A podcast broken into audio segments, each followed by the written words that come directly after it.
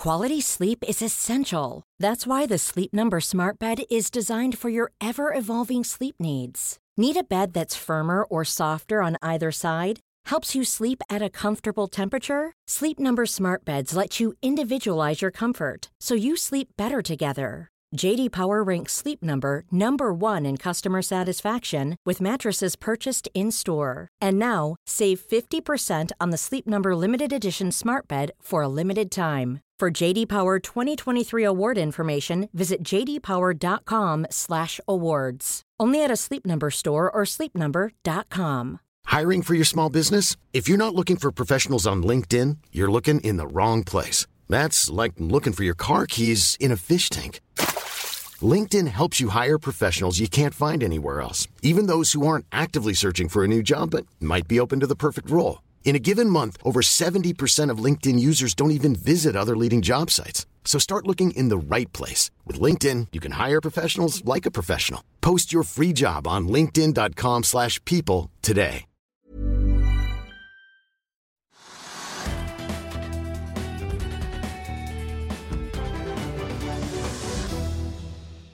Fredag og velkommen til Økonominyhetene på den 18. november. En dag der sjømatnæringen neppe tenker gudskjelov, for regjeringen og Finansdepartementet ser ikke ut til å ville rikke seg i spørsmålet om det blir en lakseskatt.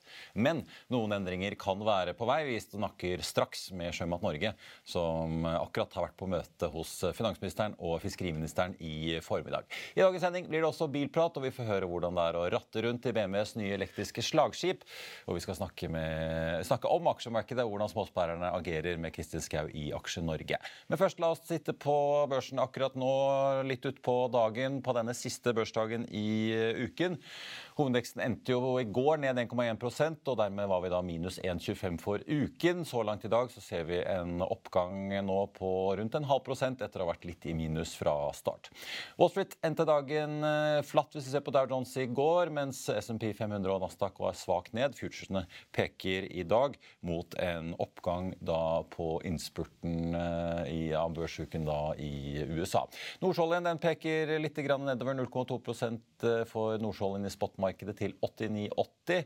Og Det er da første gangen vi ser 80-tallet på Brenten intradag siden 25. oktober. Den amerikanske lettoljen ligger på så vidt over 80, 81 dollar og 80 cent nå, ned 0,3% Norsk økonomi vokste mer enn ventet i tredje kvartal, 0,8% fra kvartalet før, får vi si helt presist. DME Market skriver at de ventet da en oppgang på 0,3 Og selv om da aktiviteten falt i norsk økonomi i juli, så tok den seg opp utover sommeren og høsten inn i september.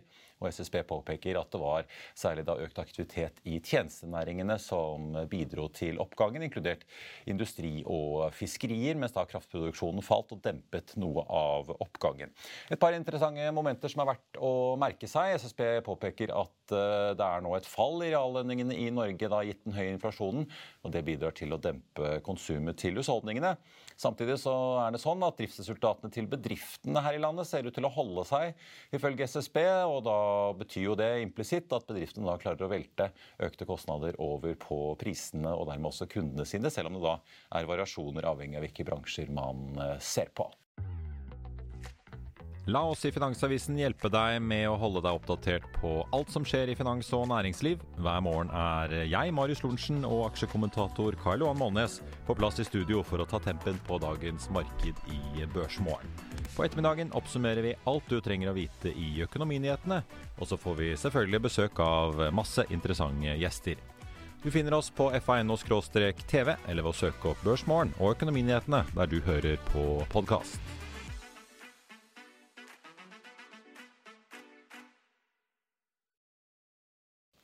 Noen aksjenyheter som har kommet i løpet av dagen. Aksjelutions melder at uh, Johan Sverdrup, operatør Equinor, har benyttet en opsjon på driftskontrakten de har med Aksjelutions på det store feltet i Nordsjøen. og Det gir også da nye 0,5 til 1,5 milliarder kroner i inntekter i MMO-divisjonen. Denne aksjen er opp opp en prosent i dag. Og så er Bailey Gifford, dette skotske fondet som høsten 2021 brukte 3 milliarder på å kjøpe seg opp i Aker Carbon Capture og Aker Horizons. De er jo nå ute og flagger at de har bikket under 10% i Aker Carbon Capture, og at alle aksjene de nå sitter på, er på vegne av kunder og ikke på vegne av egne fond i selskapet. På Oslo Børs ellers utmerker Subsea Sevensheim over 4 oppgang i dag i kjølvannet av torsdagens kvartalstall. Og så får vi også ta med at uh, aksjen får da drahjelp i dag av en ny milliardkontrakt i Trinidad og, og Tobago, samt oppjusterte kursmål fra DNB Markets og Sparebank1 Markets. Så er BV Offshore ute med kvartalstall. De tikker også litt oppover på børsen. De har jo da fått et positivt bidrag fra BV Energy, som sørget for at bunnlinjen ble tredoblet til litt over ja, nesten 33 millioner dollar, mens både inntekten og EBT-en endte lavere enn samme tid i fjor. På den negative siden merker vi oss Panoro Energy, som faller eh, snaue 10 i dag, til litt over 30 kroner aksjen, etter at en brønn i Sør-Afrika, der selskapet eier 12,5% viser seg å ikke inneholde kommersielle volumer.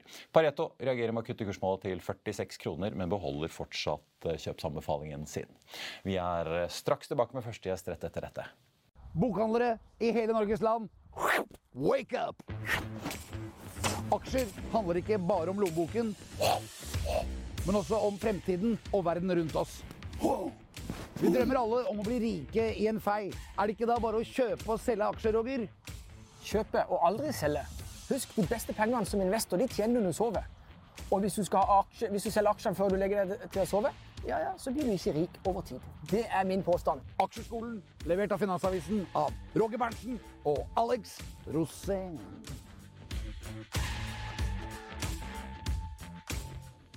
Da skal vi snakke laks, og i dag klarte politikerne igjen å få lakseaksjene til å sprelle på Oslo Børs. Sjømatindeksen var først ned 3% så suste den opp og var opp 0,4% da etter meldingen om at Finansdepartementet plutselig vurderer å endre på grunnlaget for grunnrenteskatten. Men så falt de ned igjen, først da til minus 3,5, nå drøye 2% ned. Med oss nå har vi sjefen i Sjømat Norge som var med på dette møtet, Geir Ove Ystmark, med oss fra Gardermoen. Så sporty stilte opp.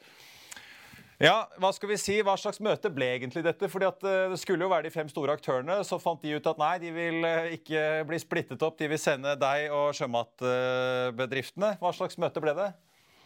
Nei, Det ble jo det, det møtet man bør ha i denne typen eh, sammenhenger. Et møte mellom næringsorganisasjonene som representerer stort sett hele næringa og myndighetene, og ikke fem utpekte selskap. Denne saken angår store selskap, små selskap og mellomstore selskap. Spørsmålet om, eh, om eh, prismekanismene er avgjørende for alle som er integrert og driver foredling, og også andre selskap.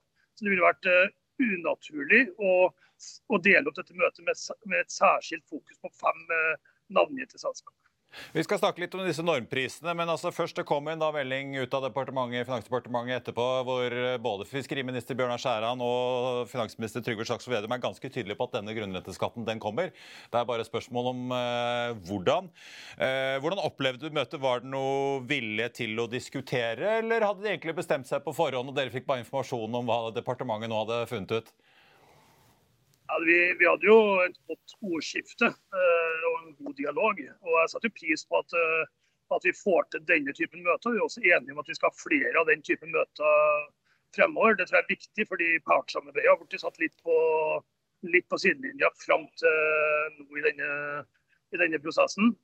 Uh, men vi er jo uenige med regjeringa i forhold til særlig prosessen. Vi mener at det er uklokt å innføre en skatt fra 1.1 som ikke er ferdig vedtatt. Det er ingen som vet hva man skal skattlegges eh, på. Man skal ha en høring som går parallelt, eh, og man skal ikke vedta skatten før nærmere sommeren 2023. Eh, og Det skaper betydelig usikkerhet for alle ledd i næringa. De som skal investere, vet ikke om man har fradrag. Man vet ikke hvilken skatt man skal legge til grunn, og det skaper usikkerhet i kontraktsmarkedet. Så Vi hadde nok sett, helst sett at man hadde løst dette ved å forskyve ikrafttredelsen til 1.1.2024, og på den måten skapt eh, større ro i, i alle ledd rundt eh, næringa.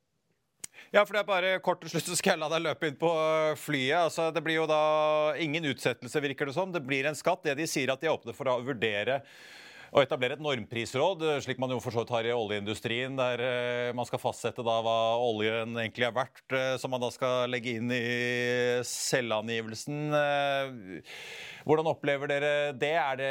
er det det de vil, eller er det slags at de åpner for det, så får vi se?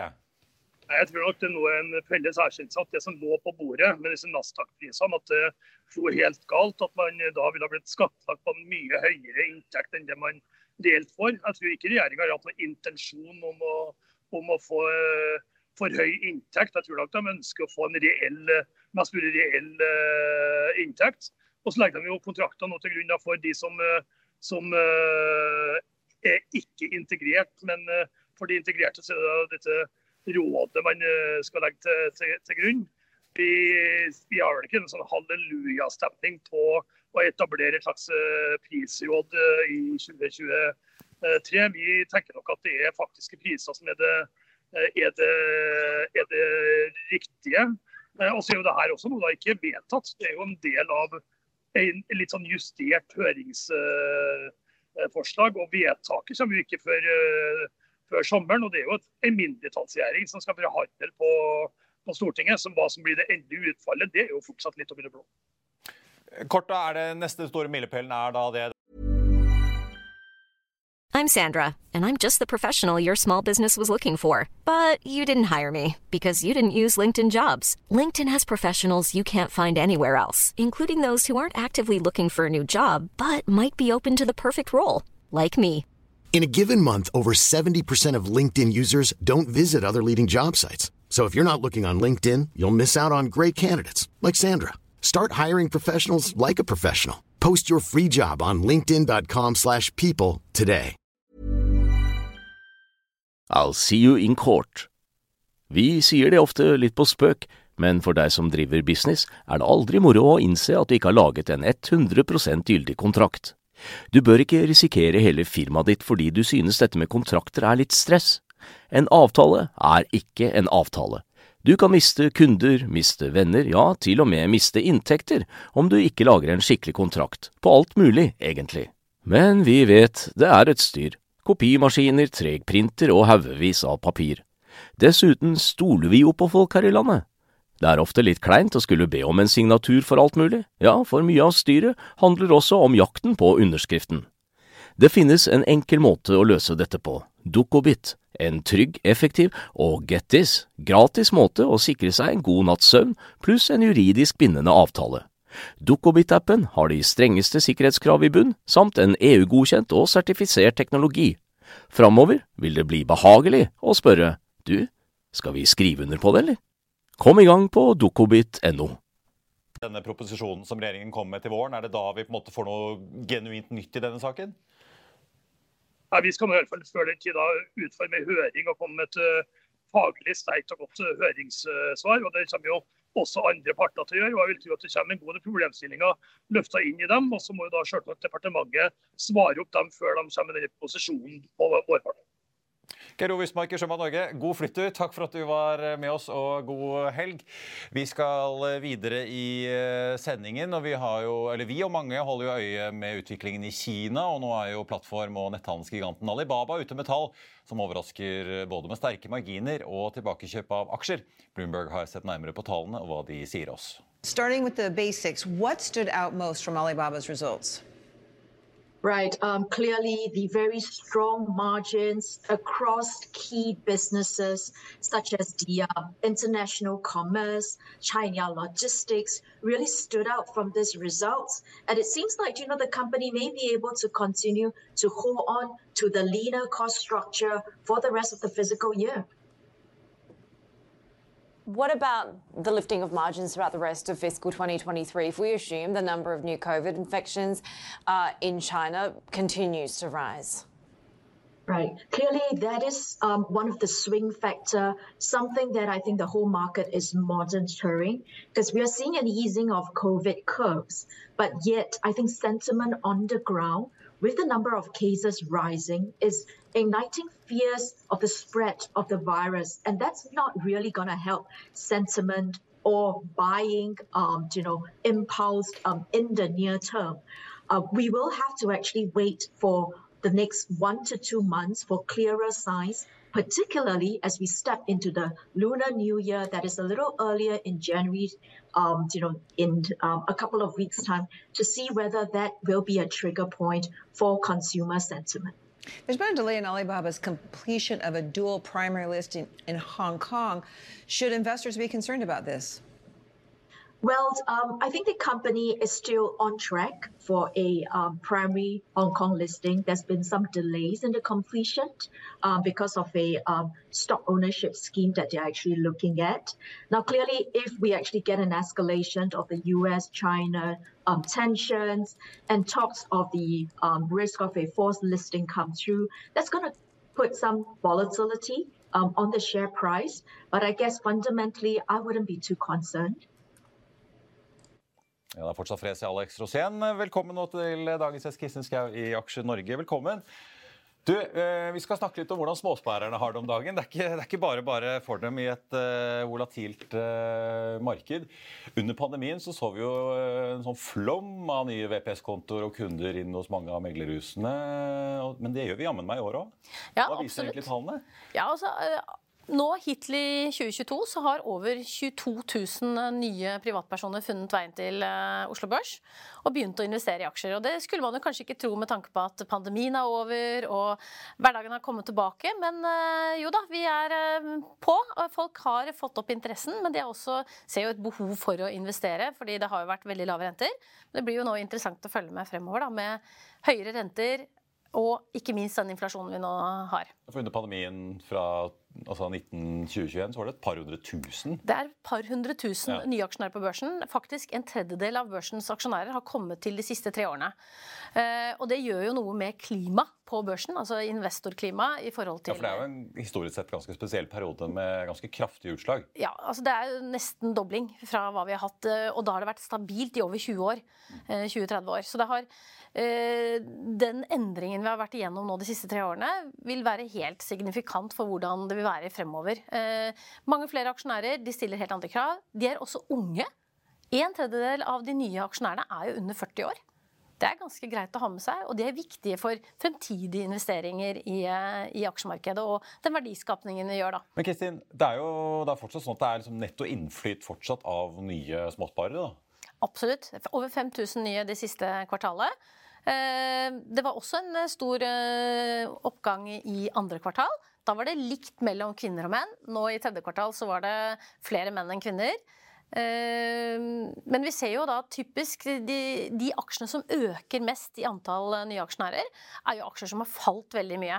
Så typisk så henger jo da privatpersoner ofte litt på etterslep, og det er jo ikke spesielt positivt. At vi, vi, vi tenker at vi skal gjøre en kule, kanskje. At vi, vi skal gå inn når det har falt mye. Ja, det er kanskje en god mulighet for det, å få kjøpt billigere, men ulempen er jo at eh, man ikke har lest om hvorfor denne aksjen har falt veldig mye. Og det ser vi jo nå i en rekke selskaper, at det har tiltrukket seg mange nye aksjonærer. Og nå har vi ikke statistikk på Flyr f.eks., eller nyeste nå i dag, men vi ser jo at det er mange som handler i aksjen. Og, og her er det litt for at mange tenker at de skal gjøre en kortsiktig gevinst. Ja, Gjøre en kule på Gjøre en kule, og det kan jo koste et dyrt, da. En fallende kniv, holdt jeg på å si, som mange vil kalle det. Ja. Det er jo litt skummelt, og det er jo ikke for alle. Men det kan jo være det er småpenger de gjør det for, og da er det kanskje ikke så skummelt. Kanskje det er mer for å ha litt spenning i hverdagen. Men folk flest investerer jo i Equinor og Orkla, Hydro og, og den type aksjer. Og så er det noen sånne aksjer som har, eh, har gått mye. Men eh, så vidt jeg skjønte på det, så er det ikke Flyr, men eh, Aker og Ryson som er det selskapet som i hvert fall frem til nå har hatt flest nye aksjonærer i år. Ja, eh, og det handler jo om at Aker Horizons har jo fusjonert inn Aker Offshore Wind og Aker Clean Hydrogen, og da fikk de jo veldig mange nye aksjonærer. Og det er det jo flere selskaper som har fått mange nye aksjonærer i år, som, eh, hvor, hvor dette eller en annen finansiell transaksjon har vært årsak til det. Tekna f.eks., Tekna Holding, der fikk jo Aker, nei, hva heter det, Arendal Fosse Kompani i februar, så fikk jo disse aksjonærene eh, aksjer i Tekna for, eh, i utbytte. Utdelt, ja. Ja, og dermed så hadde plutselig Tekna 4000 nye aksjonærer over natten. Eh, Så du har jo noen sånne eksempler eh, på børsen. Og, men hvis vi trekker fra det, så er faktisk eh, sånn som Equinor og DNB blant de mest populære aksjene også. Ja. Kanskje like greit. Kanskje like greit, ja. Men du, La oss snakke litt om fyr. da, for Det har jo vært eh, at det ble jo rop tidligere denne uken i går i denne ganske spinnville første timen i handelen på Oslo Børs, hvor eh, ja, jeg så en omsetning på to milliarder aksjer i et selskap som da den første timen hadde 633 millioner aksjer utstedt. Så da, altså hver aksje byttet jo hender da tre ganger i snitt. Eh, og Så kom det børsmelding fra Flyr 1001 om at eh, ja, nå var de første emisjonsaksjene trykket opp og registrert. 25 milliarder aksjer til. Mm. Det ble ropt om udekket shorthandel. Hva tror du det skjedde? Det, står, det, får Finanstilsynet finne ut av. Eh, jeg prøvde å gå gjennom listene for å se på volumene. Eh, og det endret seg så mye hele tiden at det bare hang seg opp. Eh, men udekket shorthandel er ikke bra, og det skal ikke gjøres. Og meglerhusene har jo et ansvar her, og, og privat, altså de personene som gjør dette. Eh, man skal ikke selge aksjer man ikke har muligheten til å dekke inn ved, ved å låne det. Eh, og det skal jo ikke skje, og det var jo nettopp derfor det kom veldig strenge regler etter finanskrisen. For det var jo nettopp dette som var med på å velte Lehman Brothers bl.a. Men er det liksom blir småsparere egentlig ivaretatt? Nå har jo Flyr kjørt en god del emisjoner. Den første i fjor var jo strengt tatt en en eh, fortrinnsrettsemisjon, som man jo i utgangspunktet etter loven skal gjøre. Så man, begynner man å kjøre rettet. Nå var det jo en litt kritisk situasjon hvor de ikke fikk inn penger, og så kommer Jan Petter Schistner og noen av hans bekjente og, og, tegner opp en pakke som til slutt går gjennom. Men hvor da de som er med i den rettede delen, som får først uh, komme inn, uh, får litt andre vilkår enn det de andre aksjonærene som er med i reparasjonsemisjonen får. Eh, hva tenker du om det? Det er jo absolutt ikke bra at uh, selskaper på generelt grunnlag uh, har en rettet emisjon. Uh, og det kan jo ikke ha kommet som en overraskelse på verken selskapets ledelse eller styre at de ville trenge penger. at de fikk opp aktiviteten med SAS-streik i sommer, det var, måtte jo være en bonus for dem. og man kan jo nok se litt mer på en del selskaper om man kunne ha jobbet litt mer proaktivt med finansieringen på et litt tidligere tidspunkt enn man har sett de siste årene. Og da skal jeg ikke gå inn og si noe om hva de har gjort i Flyr, for det vet jeg ikke noe om. Men, eh, men eh, sånn generelt så ser man jo at det er en overvekt av rettede emisjoner og ikke fortrinnsrettede. Og det er jo ikke bare privatpersoner dette går utover, det går utover andre store privatpersoner gjennom investeringsselskaper, som også ikke får vært med på dette. Så ja, eh, i Flyr-aksjen så var 48% av aksjonærene privatpersoner, men 52 eh, var andre personer og eh, investeringsselskaper som heller kanskje ikke fikk være med på den rettede emisjonen. Og det er jo heller ikke heldig. Du, skal vi snakke litt om, om, lakseaksjene til slutt? Nå har det vært møte hos finansministeren i dag, og vi ser så sjømatindeksen og aksjene bare svinge opp og ned og opp og ned. Eh, men det er jo veldig mange privatpersoner som også sitter investert i denne sektoren. Det er masse aksjefond som sitter. Vi har hørt Alfred Berg si at de tør ikke å trede noe i disse lakseaksjene før de vet hva skattesystemet blir. Men det var jo noen milliarder som forduftet her i høst? Ja, eh, da de kom med grunnrenten 28.9, så, så falt jo lakseaksjene 30-40 eh, litt avhengig av hvilket selskap du ser på. Eh, og det har jo selvsagt også rammet privatpersoner. Eh, akkurat nå så har vel privatpersoner eh, disse lakseaksjene eller sjømataksjene for rundt 6 milliarder kroner. De har vært med på en fæl nedgang hittil i år, men de har jo vært stabile investorer over lang tid. Og det har også vært aksjer som har vært populære å gå inn i, også jevnt over tid. Eh, og da ser vi bl.a. Grieg, Seafood, Lerøy og SalMar og Movi er jo veldig populære aksjer å være i. Og her snakker vi om flere 10 000 nordmenn som er investert i disse aksjene. For Styrelederen i Movi eh, sto jo i debatten og skrøt av alle de aksjonærene her. 26 000. Ja. SalMar eh, halvparten, men likevel 13 000, Lerøy 18 000. Men samme Salmon Evolution, oppdrett på land, 12 000 aksjonærer. Så det er jo, etter markedsverdi så er det jo ikke helt Da burde jo Grieg ligget mye høyere, f.eks. Ja, Salmon Evolution er jo da en nykommer som kom på børs for snart to år siden, og som skulle vel ha sin første laks i produksjon, altså første salgbare laks i januar 2023. Uh, og de har fått jevnt over mange nye aksjonærer. De har nok jobbet mye med det. Uh, og det er jo viktig for et selskap hvis de ønsker å komme seg på hovedlisten og ha mange nok uh, aksjonærer for å kunne ha likviditet i, og aktivitet i aksjen. Men her er det nok en sånn, vi har nok en sånn grunnleggende iboende tro og optimisme, vi nordmenn, da, når vi skal satse. Hva skal vi satse på etter oljen? Ikke sant? Og mange som går inn i sjømataksjer òg. Uh, men vi ser at hvis du ser langs hele Kyst-Norge, så er det jo veldig mange nordmenn som bor der, som har investert i dette. Eh, man investerer i noe man ser og føler og kjenner, og kjenner igjen. En slags nærhet og kjennskap til. Ja, så det er nok eh, mye der, og det kan jo også koste dyrt. Så da må jeg bare minne om da, at mange, mange flere burde jo absolutt ha eid flere ulike aksjer. For eh, Eh, nesten 50 av nordmennene eier jo færre enn tre forskjellige aksjer, så her har vi litt å gjøre. Ja. Men det er i hvert fall hyggelig for Salmon Evolution at det ikke blir sånn zombieaksje som mange andre sliter med på børsen om dagen. da. Ja, ja vi, får, vi, får, se på det. Kristin Skau i Aksje Norge, tusen takk for at du kom, og god helg. Takk. Vi skal eh, snakke bil og får straks med oss Andreas Scheel i studio. Men først skal han ta med oss eh, på tur til USA, der han akkurat har kommet hjem fra. alt det på å si. Han har testet eh, BMWs nyeste elektriske doning, som du kanskje vil legge merke til hvis du ser den i norske parkeringshus. Bare se her. Etter 45 år og nesten to millioner solgte biler, så er syvende generasjon BMW 7-serie kommet.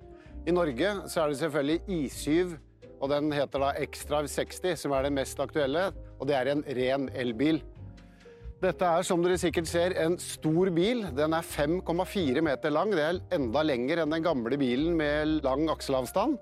Den har 635 eh, km eh, rekkevidde, så dette er en bil som vil treffe det norske markedet veldig godt. Innvendig så er BMW 7-serie fortsatt en skikkelig luksuriøs bil. Den nye versjonen den kan du få med veganske materialer og kasjmirull, men de aller fleste kommer til å velge denne bilen med vanlige skinnseter. Og da er det også skinn praktisk talt overalt inni hele bilen.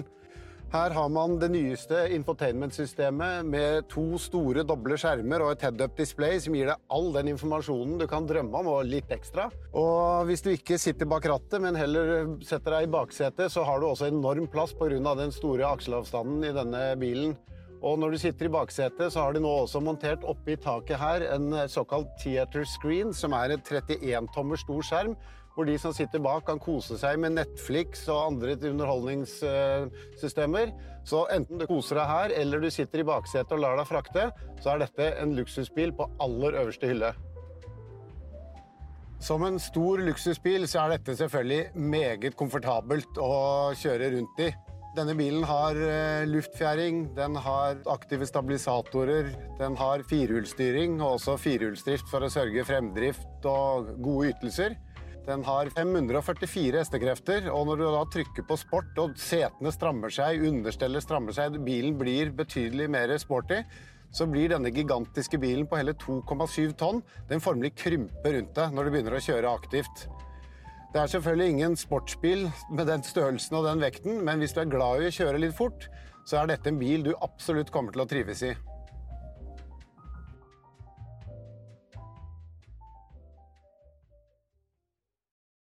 Velkommen tilbake. Ja, Andreas, du har vært på tur eh, og sett på denne isskiven. da. Den er lang. Det var derfor jeg nevnte norske parkeringshus. for jeg tenkte at uh, en ting er at Du får den kanskje inn i bredden, men jeg ser for meg at den rumpa der kan stikke greit ut bak linjen ja, på en del plasser. altså. Bredden kan nok også bli et problem, men den er jo 5,4 meter lang. Lenger enn den forrige versjonen med lang akselavstand. Så det er ikke noe sånn typisk norsk bil. Men, men altså, vanligvis er jo ikke disse store tyske luksussedanene så populært i Norge. Nei, det går men det blir kanskje det nå når det kommer ja, som elektrisk? Da husker jeg ikke tallet, men EQS fra Mercedes, som er jo hovedkonkurrenten her, er det jo gått ganske mange av i forskjellige versjoner. Ja. Og Nå kommer jo BMW 7-serie, men i Norge kommer det kun som elbil. Ja. Så, for den ser jo lik ut. Mercedes har jo fortsatt sin S-klasse, men også EQS. Og, men de har, de har, ikke sagt nøyaktig antall, men eh, det kommer ganske mange biler. De første får den før nyttår og slipper et par hundre tusen i moms, så det er klart interessant, for det er en stor, flott bil. Ja, det blir dyre dager å få den bilen i januar. Ja da, det er fort 200 000 i hvert fall, og kanskje litt vekt og avgift og sånn. så... Ja, Vi vet jo presset, presset er på på Drammen havn om dagen. Ja, absolutt. Men du, la oss eh, også snakke om litt andre ting som eh, rører seg, som man kan lese om i helgen. Eh, tre litt mer folkelige elbiler som har kommet i performance-versjoner, inkludert Ford Mustang. Ja, det er den nyeste av disse tre, vel. Og også den Skoda Enyaq RS og Tesla Model 3 Performance, ja. som er biler hvor de øker hestekreftantallet, setter på større hjul og gjør alt de kan for å redusere rekkevidden. Øke prisen. Ja. Og så har du en elbil som likevel er morsom å kjøre. Men er det litt sånn taktskifte? For elbiler er jo som regel relativt kjappe, har bra dreiemoment helt fra start. Men begynner vi nå å se et slags sånn comeback fra det sånn som de holdt på med bensin- og dieselbiler, at de slenger på sånne ekstra spesialmodeller? Det kan nok virke som det, at nå har nordmenn lært seg å kjøre elbil. Og man gir jo ikke så ofte full gass i en elbil, for som du sier, det går veldig fort. Selv en vanlig Nissan Leaf går jo fortere ut av lyskrysset enn du kanskje egentlig liker. Men eh, med en sånn performance-bil så har du litt mer bredere dekk og litt mer sånn kjøring. Så det er tydelig at noen syns det er gøy å kjøre bil fortsatt, selv om det ikke lager lyd. Ja. Også, og da har man mange muligheter. Da er det mange muligheter, så får man se hva man er villig til å ofre. Jeg merket meg jo, Audi var vel nesten først ute med E-Tron SUV-en sin, som nå har byttet navn til Q8. Hvor de hadde en S-versjon, men den eh, hadde jo ikke så mye rekkevidde og veide jo også ganske mye. Og ble betydelig dyrere også, ja. med litt mer hestekrefter. Så jeg har ikke sett så mange av dem på veien. Vi får se om eh, denne trioen av eh, Ford og eh, Skoda og Tesla Performance gjør det bedre. Det gjør det du, til slutt så skriver dere om en Lotus. Noen har kanskje fått med seg at Lotus har blitt kinesisk eid, altså dette britiske sportsbilsmerket, og kommer med en slags hva skal vi si, Lamborghini Urus-konkurrent av en supersports-SUV. Men de ja. lager litt gode gammeldagse sportsbiler også? Ja da, og det er jo er det Emira den heter, den som kommer med V6, som det er litt sånn leveringsproblemer på nå. Men det er jo en mer tradisjonell bil. mens så er det også denne Evija, som nå kommer også en Fittipaldi spesialversjon. Den har over 2000 hestekrefter og veier 1800 kg. Og Da kan du jo egentlig bare tenke deg hvor heftig det må kunne bli. Ja, Da kan man gjøre kalkylen på hestekrefter per kilo, så ja, skjønner man at det går unna. Det er helt sikkert. Eh, håper det blir en anledning til å prøve noe sånt en gang. Så ja. får vi se. Masse å glede seg til i motorhelgen også. Andreas Schjeldt, takk skal du ha. God helg. Har du ønsker om uh, aksjer vi skal analysere, send en e-post til tvtips at finansavisen.no. Jeg tenkte bare på slutten av sendingen å ta et kjapt overblikk på hvordan det ser ut eh, på Oslo Børs, som fortsatt ligger i pluss, men har mistet noe av oppdriften. Vi var jo opp en halv prosent, ligger nå opp en 0,25 omtrent, så vi får se hvordan dagen eh, avsluttes. Futures of Wall Street peker fortsatt mot en positiv start Eh, der. Sjømatindeksen på Oslo Børs har jo svingt som en jojo i dag, avhengig av hva disse politikerne sier om lakseskatten og hva som kommer av meldinger fra NTB og ikke. Sjømatindeksen i hvert fall nå ned litt over 2% Det var jo tidligere så vidt i pluss i dag, da det plutselig kom hastemelding fra NTB om at Finansdepartementet da vurderer endringer i grunnrettsskatten.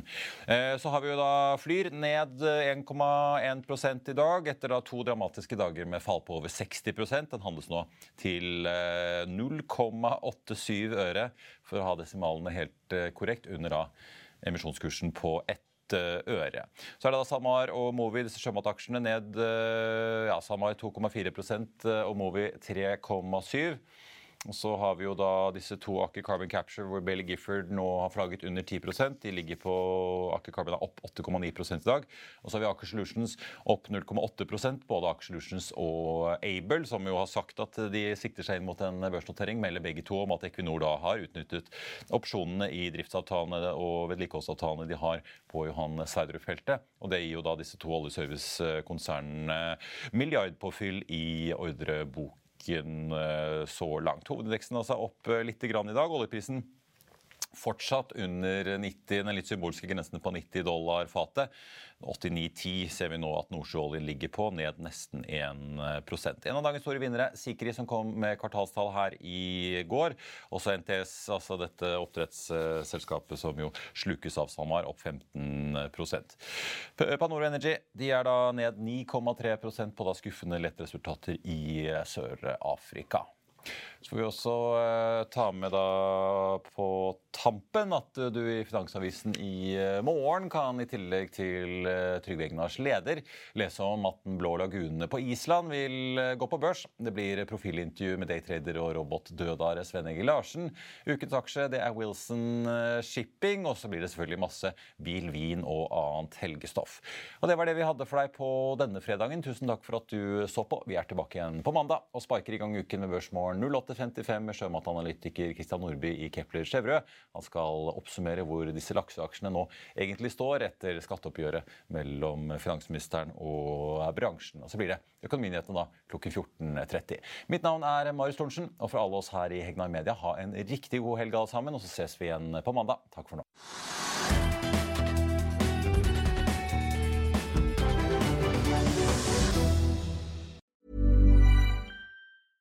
Small details are big surfaces. Tight corners are odd shapes. Flat, rounded, textured, or tall. Whatever your next project, there's a spray paint pattern that's just right. Because Rust new Custom Spray 5 in 1 gives you control with five different spray patterns so you can tackle nooks, crannies, edges, and curves without worrying about drips, runs, uneven coverage, or anything else. Custom Spray 5 and 1, only from rustolium Hey, it's Danny Pellegrino from Everything Iconic.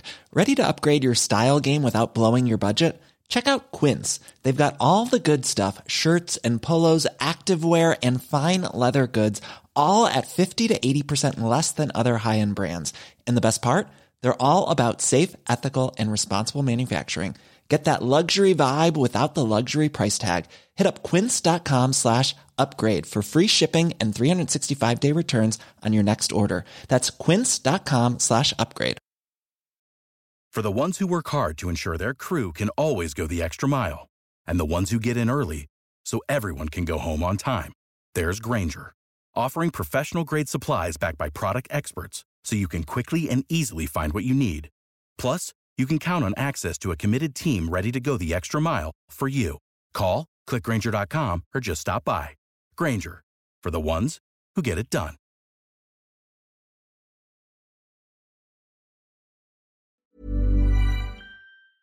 Økonominyhetene er en podkast fra Finansavisen. Programledere er Marius Lorentzen, Stein Ove Haugen og Benedikte Storm Bamvik. Produsenter er Lars Brenden Skram og Bashar Johar. Og ansvarlig redaktør er Trygve Hegnar.